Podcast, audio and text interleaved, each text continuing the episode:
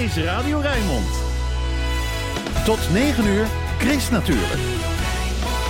Hier is Chris Veen. Goedemorgen. Met de plant van de maand verjaag je de vliegen in de stal. Muizen houden ook niet van de geur van de plant van de maand. Muizen?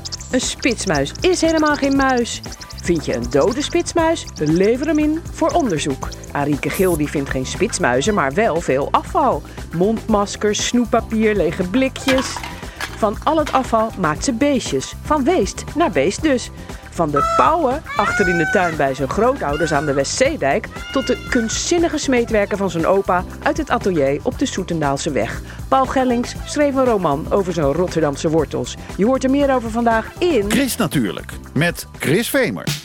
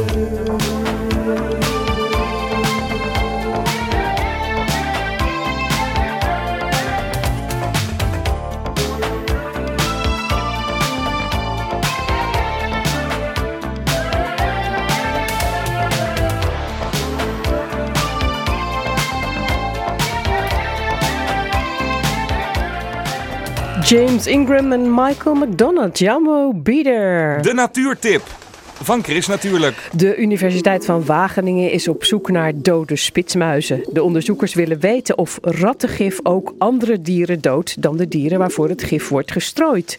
Wie een dode spitsmuis heeft gevonden, die kan hem bijvoorbeeld inleveren bij Natuurbezoekerscentrum Klein Profijt in Oud-Beierland. In het bezoekerscentrum is Chris natuurlijk op bezoek bij Marijn van den Hogenhof van de zoogdierwerkgroep Hoekse Waard. Aan hem de vraag, wat is een spitsmuis eigenlijk? Nou, een spitsmuis is eigenlijk geen muis. Daar beginnen we al mee natuurlijk. Een spitsmuis is eh, een insecteneter.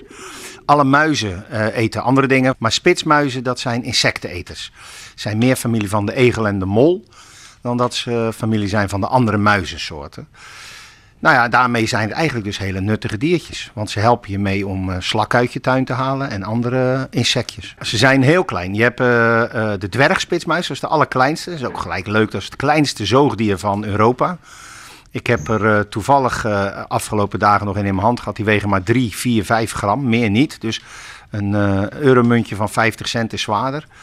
Um, en ja, je hebt daar verschillende soorten in, maar de zwaarste, ja, die weegt, die weegt 10, 15 gram, zal ik maar zeggen. Dus dat zijn hele kleine, kleine muisjes, ja. Hoeveel slakken zou die eten dan?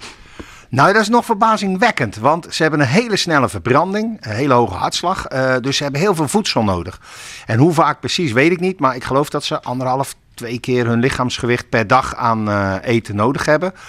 Dus ja, een dikke vette naakslak, dat doet hij wel een dag mee. Maar kun je eens omschrijven hoe ze eruit zien? Want dat is best nog wel ingewikkeld als mensen thuis dan denken... ja, ik, ik wil wel uh, meedoen met het onderzoek, maar hoe zien ze er nou precies uit? Nou, spitsmuizen zijn uh, eigenlijk, uh, ja, als je met een moeilijk woord, iconisch gevormde kop, hebben ze dus een beetje spitse, naar een punt toe lopende kop. In tegenstelling tot andere muizen die vaak grote oren hebben, een beetje stompere kop, hebben spitsmuizen echt een heel spits neusje. Een huisspitsmuis uh, is een beetje grijzig, een bosspitsmuis heeft bruin met wit. En een dwergspitsmuis ziet er net weer een beetje anders uit. Behalve dat hij dus dan gewoon heel klein is. Dat is ook wel een kenmerk. Maar de onderzoekers van de Wageningen Universiteit die vinden alle spitsmuizen goed. Alle dode spitsmuizen die worden ingeleverd. Want ze zoeken ook de hulp van het publiek. Ja, ja, ze zoeken de hulp van het publiek. En in principe zijn alle spitsmuizen goed. Het onderzoek richt zich hoofdzakelijk op huisspitsmuizen. En zij onderzoeken dan in de lever of er gifstoffen uh, in voorkomen die eigenlijk niet voor hun bedoeld zijn. Gelukkig wordt er veel minder rattengif gebruikt, maar er wordt nog rattengif gebruikt, vooral in particuliere situaties. Bedrijven mogen dat niet meer, tenzij er echt geen andere optie is. Maar een uh, huisspitsmuis is een echte opportunist, is echt een, een, een, een, alles. Ja, hij eet eigenlijk insecten, maar ook andere dingetjes. En uit praktijk blijkt dat hij ook best wel eens aan die korrels zit. Nou, nou vindt Wageningen het interessant om te kijken in hoeverre die spitsmuizen beïnvloed worden door dat rattengif, wat dus al helemaal niet voor hun bedoeld is. Hoeveel zij daar toch van, uh, van binnen krijgen. En dan ook wat het verschil is een stad uh, of het platteland. Hè. Zit er in het platteland bijvoorbeeld door landbouwgif al veel gifstoffen in die uh, levertjes? Zit er in de stad vanwege die uh, rodentia die mensen gebruiken in hun huizen uh, veel gif in die levertjes. Dus daar willen ze graag onderzoek naar doen. Je zou denken dat de kat bijvoorbeeld zo'n muisje vangt en dan ga je die inleveren. En kan die kat dan ook misschien dat gif binnenkrijgen? Nou, dat risico is nu gelukkig nog heel klein. Spitsmuis is helemaal niet lekker. Dat weet ik niet uit eigen ervaring, maar dat weten we uit het feit dat eigenlijk veel uilen, roofvogels en katten ze zelden tot nooit echt opeten. Ze doden ze wel, maar ze eten ze niet op. Maar waarom wordt er juist onderzoek gedaan bij spitsmuizen? Nou, juist om de, te onderzoeken of het gif in dieren terechtkomt waar het niet thuis hoort. Uh, er wordt ook onderzoek gedaan naar egels. Dat is hetzelfde onderzoek. Alleen wordt er niet gevraagd aan mensen om dode egels in te leveren, want uh, die krijgen ze van egelopvangen in Nederland. Spitsmuizen uh, en ook egels leven vooral in, in bewoond gebied. Dat is juist het gebied waar, waar het onderzoek heel mooi past. En het is vooral om te kijken ja, of, of, of gifsoorten die niet in hun thuis horen, zou ik maar zeggen, toch bij die dieren terechtkomen. Dus bij egels of bij, bij spitsmuizen. Want daarmee kun je aantonen, of in ieder geval de invloed van dat gif op, de hele, op het hele ecosysteem laten zien. Levende spitsmuizen die maken ook geluiden. Ja, die piepen heel erg. Uh, met name uh, huisspitsmuis, dat is echt een herriemaker. Als je die uh, tegenkomt, ja, die kan, ja, ja, dat is bijna niet te missen. Dat is een heel hoog piepend geluid. Bijna zo'n piepbeestje, maar dan wat zachter hoor. Maar wel een fel, hoog frequent geluid. Ik had laatst een spitsmuis die een kat tegenkwam. En die kat die dook er bovenop en die spitsmuis liet zich op zijn rug vallen. En die hebben vreselijk scherpe tanden en die maakte gelijk een hoop herrie. En die kat die sprong gelijk ook weer opzij en die liet hem gewoon liggen. Dus dat heeft ook een afschrikwekkende functie. Ze hebben scherpe tanden? Ze hebben hele scherpe tanden. Ja, ja het zijn uh, echte insecteneters. En uh, zoals ik al zei, uh, ze eten ook slakken, huisjeslakken. Ik heb een keer een huispitsmuis en huisjeslak zien verorberen. Dat duurde niet langer dan drie seconden. Toen had hij het huisje helemaal kapot geknaagd. Dat was echt een kwestie dan... En toen hup, de slak eruit weg. Dus het zijn echt hele scherpe tandjes, ja. En ik denk, jij hebt vast liever een levende spitsmuis dan een dode. Sowieso. Elk levend dier is veel leuker dan een dood dier. Als hij dan toch dood is, om wat voor reden dan ook, dan kun je op deze manier heel erg bijdragen aan onderzoek. En dan heeft hij nog nut, ook als hij dood is. Hoeveel spitsmuizen heb je al binnengekregen? Uh, ik heb op het ogenblik zes spitsmuizen liggen. Dus dat is nog niet heel erg veel. Er is er één uh, door de kat gevangen, uh, één gevonden. En de andere zijn, eh, zijn eh, eh, ja, overleden tijdens een inventarisatie met muizen. Zullen we eens even kijken, want ze worden bewaard in de diepvries. Ja, dat klopt, want anders dan kan je ze niet heel lang houden. Eens even Zo. Nou, daar zijn ze. En Ze zitten netjes in een zakje. En er komt een formulier bij. Dat is te downloaden op de site van de Zoogdiervereniging. Want ze moeten wat gegevens hebben. Hè. Wie heeft hem gevonden? Waar is die gevonden? Ja, en je kan het nog inleveren tot eind december. Ja, tot eind december eh, kunnen ze ingeleverd worden. En eh, ja, het, het lijkt misschien eh, onbelangrijk, maar het is echt wel. Het, zijn, het is eigenlijk een heel klein dingetje wat je hoeft te doen. Maar het is best wel belangrijk onderzoek. Vind je er een? Allemaal even inleveren. Ja, heel graag. Daar doe je echt eh, goed werk mee. Oh, maar gauw weer in de diepvries nu dan. Hè? Ja, anders dan ontdooi je ze weer. Dicht met de diepvries. Nou, dode spitsmuizen kun je onder meer inleveren bij het Natuurbezoekerscentrum Klein Profijt in Oud-Beierland of bij het Natuurhistorisch Museum Rotterdam. En in dat museum gaan we zo kijken naar de tentoonstelling van Waste tot Beest. Maar eerst muziek bij Radio Rijnmond. In the city, all I did was run, run, run, run, run. Staring at the lights, they look so pretty. Mama said, son, son, son, son, son. You're gonna grow up, you're gonna get old. All that glitter don't turn to gold. But until then, just have your fun. Boy, run, run, run, run, run. Run, run, run. Run, run, run. When I was a young kid living in the city, all I did was pay, pay, pay, pay, pay. Every single dime that good Lord give me, I can make it last three, four, five days. Living it up, but living down low. Chasing that luck before I get old. Looking back, oh, we had some fun. Boy, run, run, run, run, run. They tell you that the sky might fall. They'll say that you might lose it all. So I run until I hit that wall. Yeah, I learned my lesson, count my blessings up to the rising sun.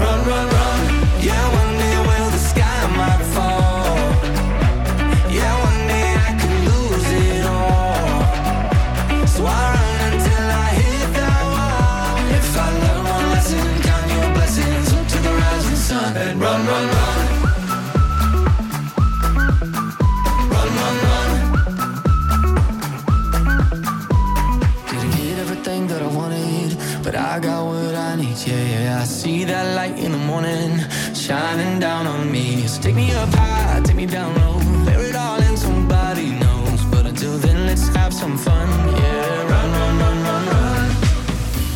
They tell you that the sky might fall. They'll say that you might lose it all. So I run until I hit that wall. Yeah, I learned my lesson, count my blessings up to the rising sun. And run, run, run.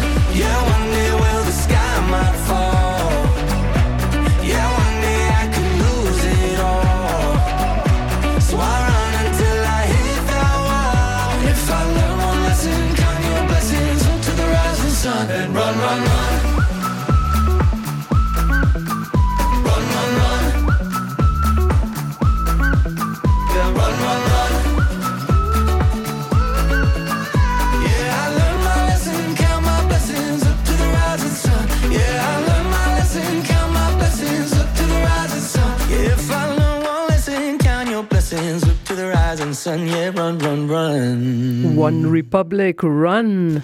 Chris natuurlijk. Lekker groen. Kikkerdril op de bodem, een watertoor die naar de oppervlakte zwemt. Dat zie je op Sloot en Plas, een beroemde schoolplaat van M.A. Koekoek.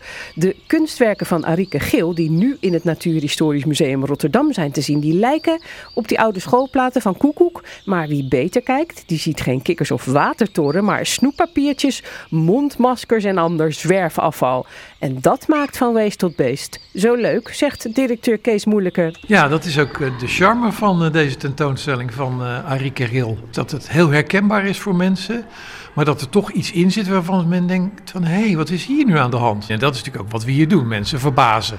En even een beetje op het verkeerde been zetten. En dat is met deze tentoonstelling eh, goed gelukt. Wat voor beestjes eh, zie jij hierin dan, Kees? Het zijn natuurlijk geen echte beesten. Hè. Het is natuurlijk een, een, een, het, het is even op een andere manier kijken naar, je, naar de natuurlijke omgeving waar het onnatuurlijke nu de overhand in krijgt. Ik zie hier eh, natuurlijk ook een enorme aanklacht tegen iedereen die zijn rotzooi in de natuur laat liggen. Want dat is natuurlijk ook wat hier, wat hier gebeurd is als mensen uiteindelijk eh, nadenken als ze buiten in de natuur zijn of überhaupt buiten zijn, dat ze niet alles loslaten maar in de vuilnisbak gooien. Ja, dan, eh, dan had deze hele tentoonstelling niet gehoeven en had Arike natuurlijk gewoon eh, kriebelbeestjes verzameld en, en, en die getekend. Ik ga even naar Arike zelf, want hoe ben je op het idee gekomen voor dit project? Ik eh, zat vast met mijn kinderen thuis tijdens de lockdowns. En eh, ik heb kindjes van drie en vijf. Dus die zijn erg klein en die vermaken zichzelf niet. Dus we gingen erg vaak naar parken en andere stukken waar je kon wandelen in het strand. Om kriebelbeestjes te zoeken. Want ik ben bioloog en dat wil ik wel een beetje aan mijn kinderen doorgeven. Dus gingen we met een, eh, met een veldgidsje op zoek naar, naar wormen en kevers. Maar ja, ik, ik kwam ook heel veel afval tegen. Toen dacht ik, ja, daar, daar moet je ook wel iets mee kunnen. Dus ik begon ze uit te tekenen en ik begon ze te determineren alsof het echte beestjes waren. En dat werd, eh, werd een steeds grotere verzameling. En toen op een gegeven moment dacht ik, ja, ze moeten eigenlijk ook in een, eh, in een natuurlijke omgeving zitten. Want die beestjes los, dan, ik zie het wel, maar niet iedereen, denk ik. Dus toen dacht ik, ja, ik, ik, heb, eh, ik heb een natuurgebied nodig om ze in te plaatsen. En toen kwam ik aan, die, eh, aan de plaat van Koekoek, die prachtig zijn. Ja. Ja, want eh, een hele beroemde schoolplaat is dan bijvoorbeeld in sloot en plassen. En die platen zijn ooit gemaakt eh, in die tijd om mensen ook wat meer respect voor de natuur te geven. Nou, heeft dan kennelijk, als ik nou zo naar deze platen kijk, niet echt geholpen. Nou ja, het is, eh, dit is de nieuwe natuur in de parken en in de sloten. Zullen we eens even gewoon gaan kijken wat we allemaal dan eh, zien? Want dit is dan die eh, beroemde plaat in sloot en plas. Ja, dus ik heb alle, alle oude leuke beestjes van Koekoek eruit gehaald. Die die prachtig geplaatst heeft trouwens. Het was echt, hij is echt een genie in hoe hij die beestjes heeft belicht en in die plaat heeft gezet, zodat ze echt opvallen. Dus je hebt eigenlijk die, die platen een beetje bewerkt en daar heb je nieuwe diertjes in gemaakt. Dan, wat, wat heb je allemaal gevonden in de natuur? Nou, van alles. Eh, dus eh, waar ik zelf in de buurt woon, in het Zuiderpark, daar vind je heel veel condooms. Die heb ik niet mee naar huis genomen, maar wel gefotografeerd. Ik heb ook een keer een condoom in een boom zien hangen. Nou, dat, dat, was wel, eh, dat zorgde wel voor inspiratie. Ja, want hier hangt ook een condoom aan een, een graspriet. Ja, dat is dus de, de pop van het Durex-beestje. en dan later dan, komt daar het beestje weer tevoorschijn. Eh, en heel veel snoeppapiertjes, eindeloze variatie aan snoeppapiertjes. En eh, het ligt aan de manier waarop zo'n afvaltje ligt. Als het verkreukeld is, een bepaald aanzicht, dan kan je er een beestje in zien. Dus ik heb ook in de berm, dat was eigenlijk eh, de insecten van eh, MA Koekoek. Maar ik vond in de berm beter. Noem eens wat afval wat hierop staat tussen die mooie honingklaver. Ja, dus wat mooie meelblendes. Dat zijn sigarettenpeuken, beestjes, soort slakachtige. Eh, veel eh, zwevelaars, dus eh, snoeppapiertjes die als een soort vlinders door de tuin heen zweven. En weer zo'n mooi energy eh drink eh, blikje. Ja, en wat is dat dan voor beest? Want je geeft ze dus allemaal namen zelf. Ja, ik geef ze allemaal soortnamen. Dus de energy drink is de gladde puzaal. Die vind je meestal op schoolpleinen. Ja. En daar zie je ook wat platgereden exemplaren. Want in het paarseizoen dan steken ze allemaal de straat over om van schoolplein naar schoolplein te gaan om de mooiste vrouwtjes te versieren. Maar ja, dat oversteken van die straat, dat gaat natuurlijk niet altijd goed. Dat is ook wel weer herkenbaar. Past heel goed in dit museum, Kees. Dat vind ik ook, ja. En dat is ook, het, dat is ook echt de reden waarom we dit omarmd hebben. En Arike ook gevraagd hebben van kom naar ons museum en exposeer het hier. Omdat wij natuurlijk ook de natuur verzamelen zoals die op dit moment is. We hebben natuurlijk ook niet voor niets die mondkapmeel laatst eh, van straat geraapt en die eh, geëxposeerd met het mondkapje verstrikt in zijn, in zijn, tussen zijn poten. Ik denk dan ineens weer aan, ik weet niet meer welk dier dat was, maar die had een, echt een hele bol met elastiekjes in zijn buik. Ja, de, de elastiek ooievaar. Nou ja, dat is natuurlijk de, de consequentie van wat Arike natuurlijk ook terecht zegt. De hele maatschappij die gericht is op consumeren en niet hergebruiken en, en, en afval produceren. Ja, en eh, dat komt nu steeds meer in de natuurlijke kringloop terecht, die niet meer natuurlijk is. En we hebben hier ook inderdaad een ooievaar, een jong die gevoerd is met, eh, met eh, postbode-elastieken en daaraan overleden is. Je had in Sloot en Plas, maar je hebt ook nog meer plekken. hè? Bijvoorbeeld in het Braziliaanse woud, geloof ik. Ja, ik heb, eh, mijn laatste werk is dat in het Braziliaanse oerwoud afval wat toeristen mee hebben genomen, de vuilnisbeestjes, naar, naar hun eh, toeristische plek. En dan op die manier koloniseren ze ook eh, een hele afgelegen plek op aarde. En die mondkapjes die daar eh, in het oerwoud rondzweven, hoe heb jij die genoemd? Ja, die moet ik nog een naam geven. Dus als je nog een mooie naam weet of eh, luisteraars, dan, dan mogen ze me een berichtje sturen. Zag je nou in het begin van de coronaperiode andere dingen dan je nu ziet? Ja, al is dat niet helemaal objectief, want ik, ik ben ook steeds beter gaan kijken. Als ik nu rondloop, zie ik echt alles liggen. Eh, maar in het begin zag ik ontzettend veel eh, mondmaskers natuurlijk. En eh, zakdoekjes en handschoenen. En minder restafval. En nu zie ik echt van alles. Ballonnen, sigarettenpakjes, ontzettend veel energy drinks. En wat ik ook grappig vond, is dat je ook het effect ziet van bijvoorbeeld statiegeld op van die kleine plastic flesjes. Want die vind je nu minder, dat had ik ook begrepen. Ja, die, die zijn gezakt. Dus dat helpt echt. Dus ik denk dat de overheid ook best wel veel kan doen aan dit probleem. Zie jij dan ook nog eh, geografische verschillen? Dus op de ene plek andere afval dan op de andere? Ja, want ik woon dus heel dicht bij een park en daar zie ik vooral heel veel snoeppapiertjes. Eh, als ik hier dan van het station naar hier loop in Rotterdam, dan zie ik eh, heel veel bierblikjes en, eh, en zwarte ballonnen en zo. Dus het, het is heel erg bepalend waar je zit, wat voor afval je vindt. Je zou bijna als een soort archeoloog onderzoek kunnen doen naar het type mens wat daar woont. Ik, ik denk dat ik het per buurt zou kunnen categoriseren. Heb je nog wat meegenomen onderweg hier naar het museum? Nou, ik vond eigenlijk niet zulke hele mooie dingen deze keer. Het was een beetje teleurstellend. Het was te schoon. Ik loop natuurlijk nog wel eens hier rond het museum een beetje te kijken naar de biodiversiteit. En als ik dan zwerfafval vind, dan ruim ik het altijd op. Dat is een soort gewoonte van me geworden. Dat is, eh, Tweede natuur. ja, misschien wel, ja. Het is nog niet zo dat ik een, eh, een, eh, een grijpertje bij me heb. Maar ik ruim het wel op. Ja, we wachten eigenlijk tot het uitgestorven is en dat we het dan alleen nog maar op het werk eh, van jou kunnen zien. Nou, dat zou best mooi zijn. Dan heb ik heel eh, belangrijk werk gemaakt van een bepaalde tijdperk. Heb jij nog een lievelingsdier in deze tentoonstelling? Nou, ik heb een, een lievelingspakket. Eh, en dat is de, de Anthropocene Starterskit. Eh, en dat is een soort eh, gereedschapskistje met vakjes. eh, waar alle instrumenten in zitten om je eigen verzameling te starten. Dit is dus een pakket waarop je zelf je eigen beestjes kan gaan verzamelen. Wat zit er allemaal in? Nou, een handleiding van hoe je het moet doen. En een tekstje over dat als je je eigen soort, nieuwe soort vindt, dat je ook zelf de nieuwe naam mag verzinnen. Spelden om ze op te pinnen. Eh, een loop, zodat je de details, de echte kenmerken van het beestje goed kan zien. Goede labels, waarmee je kan aangeven waar, waar je het gevonden hebt, wat voor beestje het is en, eh, en wie jij bent. Een eh, meetlint voor de, de lengte en een archiefpen. En ook nog een pincet, zodat je ze niet met je blote handen hoeft op te rapen. Verkrijgbaar in het museum? En verkrijgbaar in het museum bij aanvraag, ja. Van waste tot beest, nieuwkomers in de natuur. Het is te zien in het Natuurhistorisch Museum Rotterdam tot en met 13 februari volgend jaar. Chris Natuurlijk. De weekendbijlage. Wat staat er in de weekendkrant over groen en natuur? Je hoort het in het overzicht. Ik lees het vandaag samen met Bas van Halderen. Bas, goedemorgen. Jij leest het eerste bericht. De Telegraaf en AD schrijven over de gorilla's en leeuwen in diergaarde Blijdorp die eh, besmet zijn met corona. Om uit te zieken krijgen de dieren veel rust en zijn ze even niet meer zichtbaar voor het publiek. De Vietnamese bosschorpioen die hoeft niet meer te sterven voor de wetenschap. Een onderzoeksgroep onder leiding van de bekende bioloog Freek Vonk... die ontwikkelde een nieuwe methode waarbij het dier gewoon in leven blijft. Het gif van de bosschorpioen wordt ingezet bij de behandeling van hersentumoren... en bijvoorbeeld ook bij eh, het ontwikkelen van tegengif. Je leest erover in de Volkskrant. Baby's verspreiden vooral uit hun luiers een waar boeket aan geurstoffen. En er blijkt nu een simpel stofje tussen te zitten dat een sleutelrol speelt in agressie. Het remt agressie bij mannen en stimuleert agressie bij vrouwen. Waarom de natuur dat zo heeft bedacht, daarover lees je in Trouw. Goedemorgen. Kan deze idealist het koraal behoeden voor uitsterven? Kopt het AD in een reportage over de Nederlandse Amerikaan Gator Halpern. Door opwarmende zeeën sterven de koraalriffen razendsnel af. En op zijn koraalboerderij in de Bahama's kweekt Halpern een klimaatbestendige variant van koraal. Superleuk werk lijkt me dat. eh, had misschien een vak moeten leren. Dus, nou ja, voor jou kan je altijd nog uit de rivier eh, drinken, is Bas. het. eh, een natte droom van bierliefhebbers. Een bierrivier in de vallei van de Waipio op Hawaii.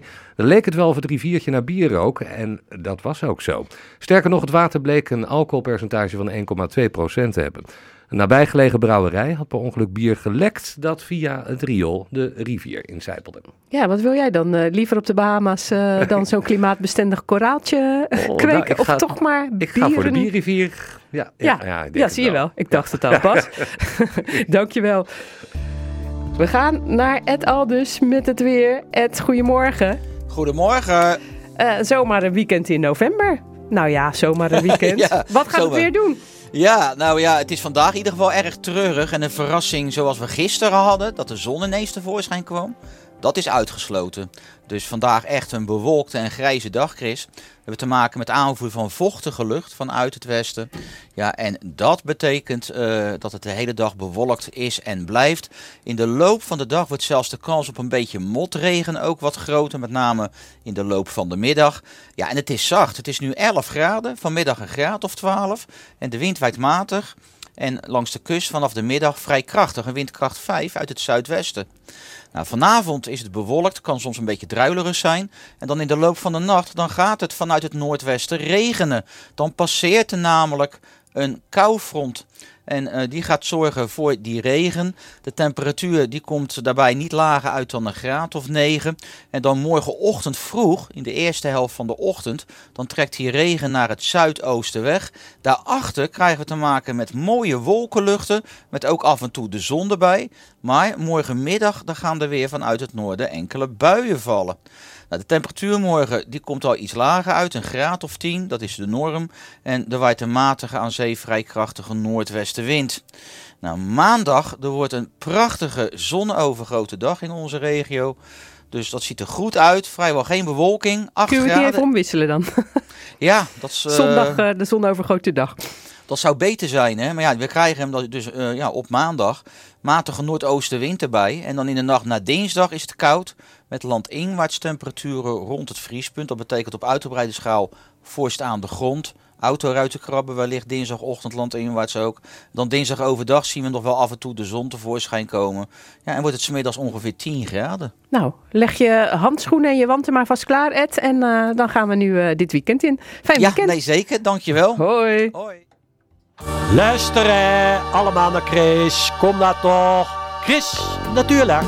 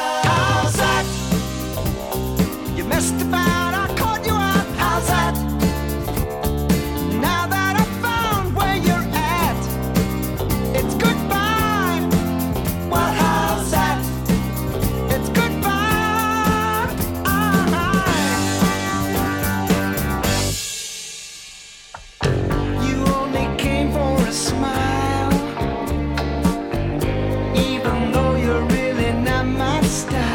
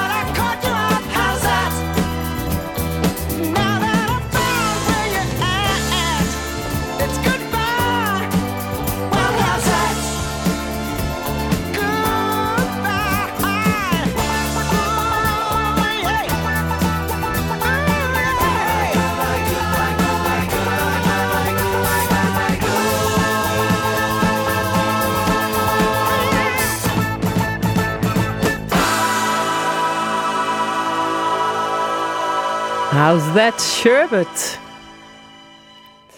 En uh, we gaan iets doen en dat heeft te maken met de plant van de maand. In de plant van de maand vertelt Melita van Bracht, botanicus bij de Botanische Tuin Afrikaan de Wijk in Rotterdam-Zuid, iedere maand een verhaal over een bijzondere plant uit de tuin.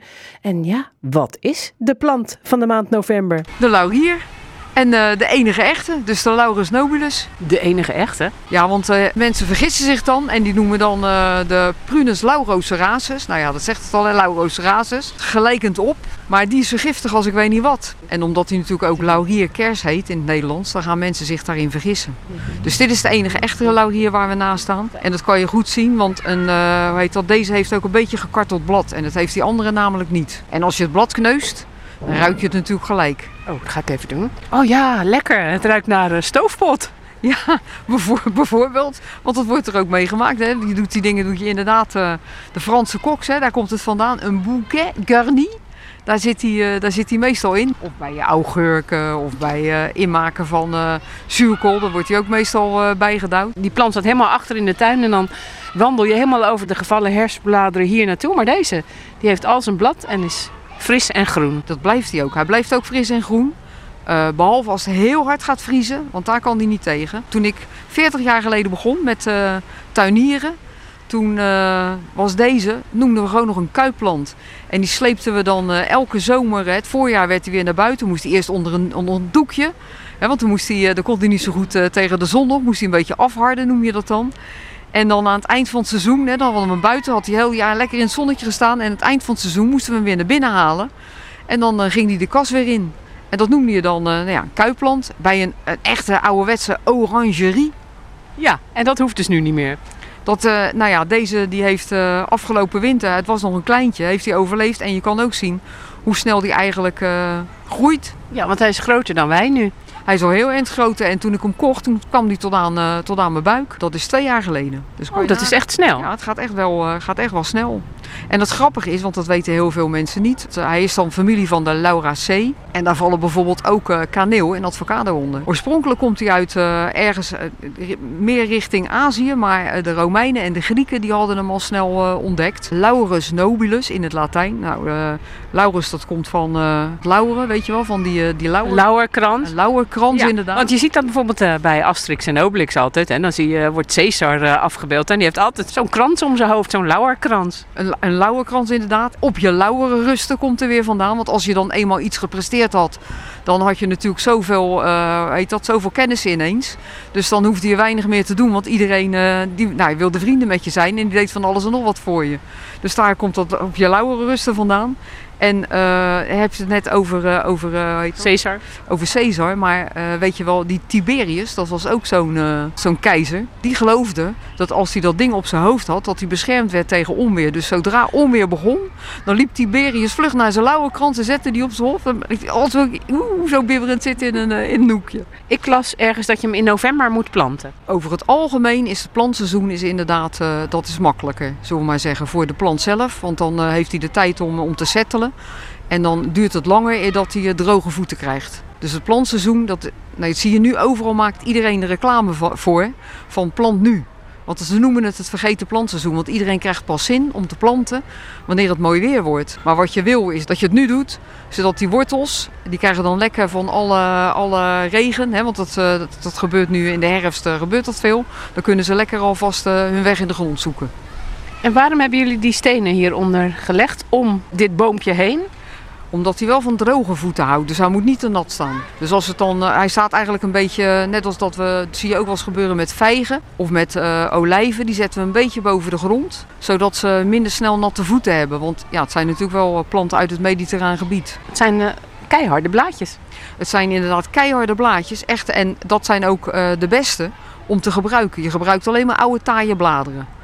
Want normaal gesproken dan gebruik je dat, dat jonge groen. Maar uh, als je jong groen gebruikt van deze, dan zijn ze lang niet zo aromatisch. Dus die oliën die erin zitten, dat wil je echt van, van, van, zeg maar van die, nou ja, die oude taaien hebben. ja, als je ze in een stoofpotje gooit, dan moet je daarna er wel eruit halen. Ja, want uh, ze zijn erg taai om, om te kauwen. Maar het orakel van Delphi deed dat wel. Die at ze op? Ja, samen met doornappel En doornappel is natuurlijk rete giftig. En deze verdooft hem eh, een beetje. Dus dan eh, deden ze dat samen eh, en dan had ze dat in de mond. Dus lekker met die groene brei. En dan begon ze haar orakel te Begon ze te orakelen? Ja, en dan kon iedereen een wijze raad bij haar halen. Maar volgens mij was ze gewoon zo stoned als ik weet niet wat. Als je nou eh, bepaalde dieren niet wil, dan kun je deze plant ook nog gebruiken. Dat klopt. Ze halen een stofje eruit en dat gebruiken ze tegen vliegen in de, in de stal. Kennelijk vinden vliegen dat bij vee vinden ze dat eh, niet zo lekker ruiken en gaan ze weg. En heb je thuis last van muizen, dan eh, doe je die blaadjes die doe je in de voorraadkast leggen. En dan schijnt het dat die muizen wegblijven. Nou, goede tip. Ja, toch? Heb je nog een recept met laurier? Ja, er is een heel lekker recept van en dat is nog vegetarisch ook. Aardappels, vastkokende aardappel, je vijf minuutjes koken. Een ui, drie eh, paprika's. Je neemt een beetje knoflook. En dat doe je allemaal bij elkaar in, eh, in de pan. Die, die, eh, weet dat, die aardappels die heb je vijf minuten gekookt, die sla je even apart. Dan doe je lekker eh, een paar van die, eh, van die kruidige dingen erbij. En als je dan gaat, eh, gaat, gaat bakken, dat spul, weet je wel, met die knoflook, een beetje olie. En dan doe je die blaadjes erbij. Nou, dan gewoon peper en zout natuurlijk. Nou, heerlijk. Ik ga het vanavond maken, dank. Nou, hartstikke goed. Op chrisnatuurlijk.nl vind je een link naar het recept voor deze groentestoof met laurier. Rijmond was op bezoek bij de botanische tuin Afrikaanderwijk in Rotterdam-Zuid. Chris Natuurlijk. Lekker lezen. Feyenoord-supporters die wel eens in de Hofpleinfontein springen, ook al komt dat niet zo heel vaak meer voor. Weggebruikers rondom het Hofplein, ja eigenlijk bijna iedere Rotterdammer heeft wel eens kennis gemaakt met het werk van Karel Gellings. En misschien zonder het te weten, Karel Gellings is namelijk de ontwerper van de spuitkronen van de beroemde Hofpleinfontein. De Zwolse schrijver Paul Gellings, dat is de kleinzoon, die heeft een boek geschreven over zijn Rotterdamse grootvader en familie. Een roman met de titel Het smeetwerk van herinnering. En we hebben Paul Gellings aan de telefoon om over zijn boek te spreken. Paul, goedemorgen. Goedemorgen. Wat voor werk is er van je opa te vinden in Rotterdam, behalve dan die, die eh, spuitkronen in de Hofpleinfontein? Eh, behalve de spuitkronen, die trouwens onverwoestbaar blijken iedere keer bij eh, nou, bepaalde gebeurtenissen, eh, heb je het oog op, nee, de zon op het oogziekenhuis aan de Schiedamse Vest. Je hebt een balkonhek bij de Kamer van Koophandel aan de Blaak. Je hebt trapleuningen in het Holbijnhuis en bij boekhandel Donner, voorheen het ABN AMRO-gebouw. Dus er is, dat zijn zo de dingen die me te binnen schieten. Hij heeft een heel spoor getrokken van dat soort dingen. Scheepvaartmuseum ook nog, een, groot schip erop, een galjoen. Ja, en hij maakt ook nog keramische kunst. Ja, heeft hij ontworpen, ja, voor de Kennemer Potterij in de, in de jaren dertig. Toen ging het allemaal niet zo goed. Eh, het was crisistijd en om eh, heel veel opdrachtgevers lieten het afweten. En om aan de kost te komen heeft hij, eh, om de eitjes aan elkaar te knopen, heeft hij ook wat, eh, wat, eh, wat keramiek ontworpen voor de Kennemer Potterij. Ja, en, maar wat was dat dan? Wat, wat eh, had hij dan bijvoorbeeld gemaakt? Eh, hij heeft, eh, nou, ik, ik kijk nu tegen een boekensteun aan, een, een, een blauwe vis eh, van, eh, van aardewerk. Hij heeft eh, ja, potten gemaakt, schalen, waterkannen enzovoorts. En dat allemaal een beetje in eh Jugendstil, Art Deco, soms eh, alleen geo- geometrische vorm, een beetje abstract. Hij, eh, het was wat dat betreft van alles wat, zeg maar. Hij, hij koos nooit voor één stijl. Hij had zijn eigen stijl. Ja, en vertel nog eens wat meer over je grootvader Karel. Want hij heeft echt een, een bewogen leven gehad. Hè? En, en Ja, ook wel een ja, bijzonder ja. leven, omdat het een heel mooi deel, nou ja, eigenlijk een heel naardeel van, van de vorige eeuw betreft. Ja, ja, nou ik heb me gerealiseerd dat het boek dat dat precies 100 jaar Rotterdam beschrijft. Maar van eh, 1921 tot eh, 2021. Dat, eh, eh, dat schoot me net te binnen hoor. Maar goed, hij was Duitser. Heeft, eh, geboren in 1892. Heeft aan, in de Tweede Wereldoorlog aan twee fronten gezeten. Aan het Oostfront en aan het Westfront. Nee, het eerste, de Eerste Wereldoorlog was dat, toch? Ja. de eerste, oh, zei ik de Ja, tweede? je zei de nee, tweede. de, nou, de, de, de eerste weer, nee, de tweede, dat is weer een ander verhaal. In de, neem niet kwalijk, in de Eerste Wereldoorlog heeft hij aan het eh, Oostfront en aan het Westfront gezeten. In Frankrijk is hij krijgsgevangen gemaakt. Heeft in Le Havre tot eh 19, van 1915 tot 1920 heeft hij daar heeft hij schepen moeten lossen. Daarna heeft hij nog ergens op het platteland bomen moeten rooien. En eh, na zijn vrijlating in 1920 had hij eigenlijk zo genoeg van Duitsland en Europa. Hij was, ja, hij was een gevoelige kunstenaar, voelde bepaalde dingen ook aankomen in Duitsland en wilde naar Amerika. Eh, Maar dat is hij eigenlijk wel, om je even te onderbreken, is hij eigenlijk best wel eh, lang nog krijgsgevangene geweest. Want de Ja, oorlog was gewoon eh, toch eh, 1918 afgelopen. Ja, hij heeft langer in de problemen gezeten dan de Duitse keizer... die in eh, 1918 al onderdak kreeg van eh, koningin Wilhelmina. Ja, nee, dus hij moest klopt. gewoon nog blijven, blijven werken als krijgsgevangene Hij in Frankrijk. En toen zei je, ja, hij kreeg zo Omdat genoeg. hij Duitser was, omdat het een Duits soldaat was. Ja, ja, ja. En hoe is hij dan in Rotterdam terechtgekomen? Nou ja, hij wilde naar Amerika toe en eh, hij was op, eh, op doorreis in Rotterdam en moest daar ook even blijven om eh, ja, geld bij elkaar te verdienen om zijn overtocht te, te betalen naar Amerika. En daar is hij toen mijn oma tegengekomen. En de reis naar Amerika, de overtocht, de emigratie naar Amerika is niet, eh, niet doorgegaan. Hij voelde zich ook wel thuis in Rotterdam. Het was, eh, hij voelde zich omarmd door, eh, door de stad. En, dus hij heeft vrij snel ja, een naturalisatieverzoek ingediend. Het heeft heel lang geduurd voordat het is eh, ingewilligd. Omdat hij van alle plaatsen waar hij ooit gewoond had... een bewijs van goed gedrag moest hebben. Maar kom daar maar eens aan. Als je krijgsgevangene bent geweest... hoe krijg je een bewijs van goed gedrag van een krijgsgevangenkamp? Of van een eh, dwangarbeiderskamp in, eh, in Noord-Frankrijk. Dus dat is heel lang getraineerd. En toen heeft hij het echt net op tijd, zou je kunnen zeggen, net op Ja, tijd nove- gehad. Ja, ja, in november eh 39 kwam dan eindelijk, kwamen eindelijk eh, de, de handtekeningen van eh, Franse eh, militairen. De- ja, die waren niet te beroerd om toch maar even te tekenen, terwijl ze mijn opa nooit gekend hadden. En eh, toen is hij dus eh, genaturaliseerd. En daar heeft hij heel veel geluk mee gehad, want de, eh, de Duitsers hebben alle naturalisaties vanaf eh, januari, toen, eh, toen de bezetting eenmaal een feit was, hebben ze alle naturalisaties vanaf 1940 teruggedraaid. Dus dan zou die weer, mijn grootvader was in dat geval weer Duitser geworden, hadden mijn vader en mijn oom, zijn, zoon, zijn beide zoons, hadden naar de Deutsche Schule gemoeten, waren misschien ingelijfd bij de Hitlerjugend, hadden ze lid moeten worden. Mijn grootvader was ingelijfd, eh, was zeker ingelijfd bij de Weermacht of had zich nuttig moeten maken in de oorlogsindustrie.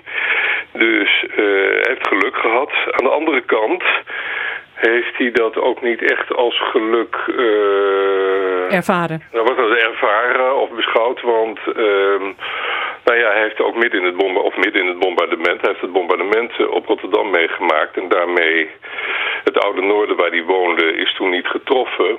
Hij, heeft, eh, eh, ja, hij wist niet dat er niks met het oude noorden zou gebeuren. Hij heeft een voettocht gemaakt naar Hillegersberg samen met mijn oma en, en zijn zoons. En eh, nou ja, toen ze de volgende dag eh, terugkwamen zagen ze dat het oude noorden nog eh, intact was. Maar ze hadden al vrij snel in de gaten dat, eh, nou ja, dat de Hé, hey, daar val je ineens eh, weg, eh, Paul. Dat is ook eh, zonde. Daar ben je nog, ja. nou, dat is nou weer heel eh, jammer, want het is nog een hartstikke mooi eh, verhaal. Maar ik, ik weet ook niet of het nog lukt eh, of we hem terug kunnen krijgen. Zullen we eens eventjes de muziek starten en kijken of dat gaat lukken.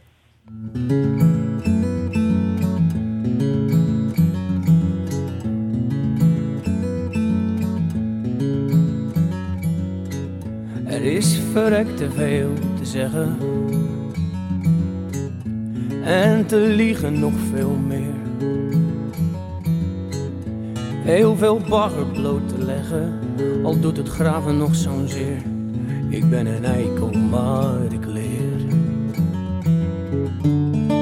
Een oceaan om in te vluchten, nooit jaloers te hoeven zijn. Liefde om je hart te luchten, een oceaan, hoe lekker zou het zijn.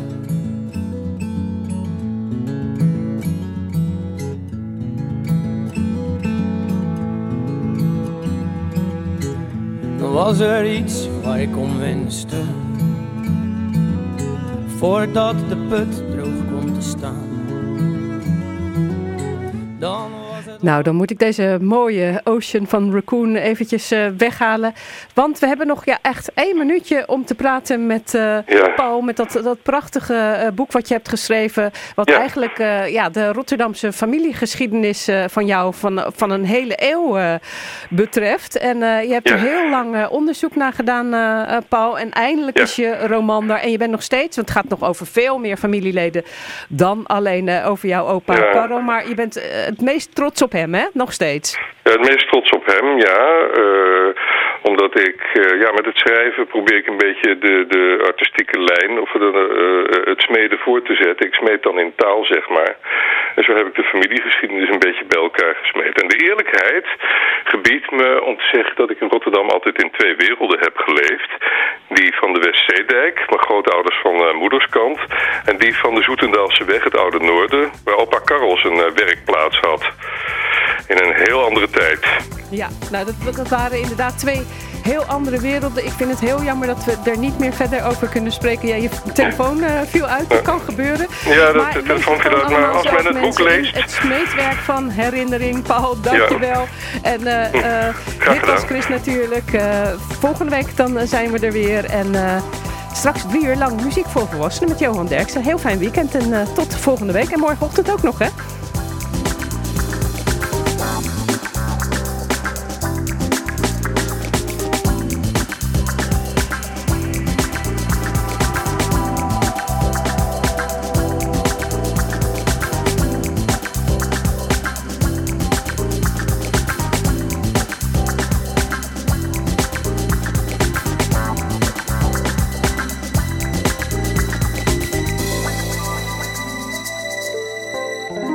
Chris Natuurlijk. Kijk ook op chrisnatuurlijk.nl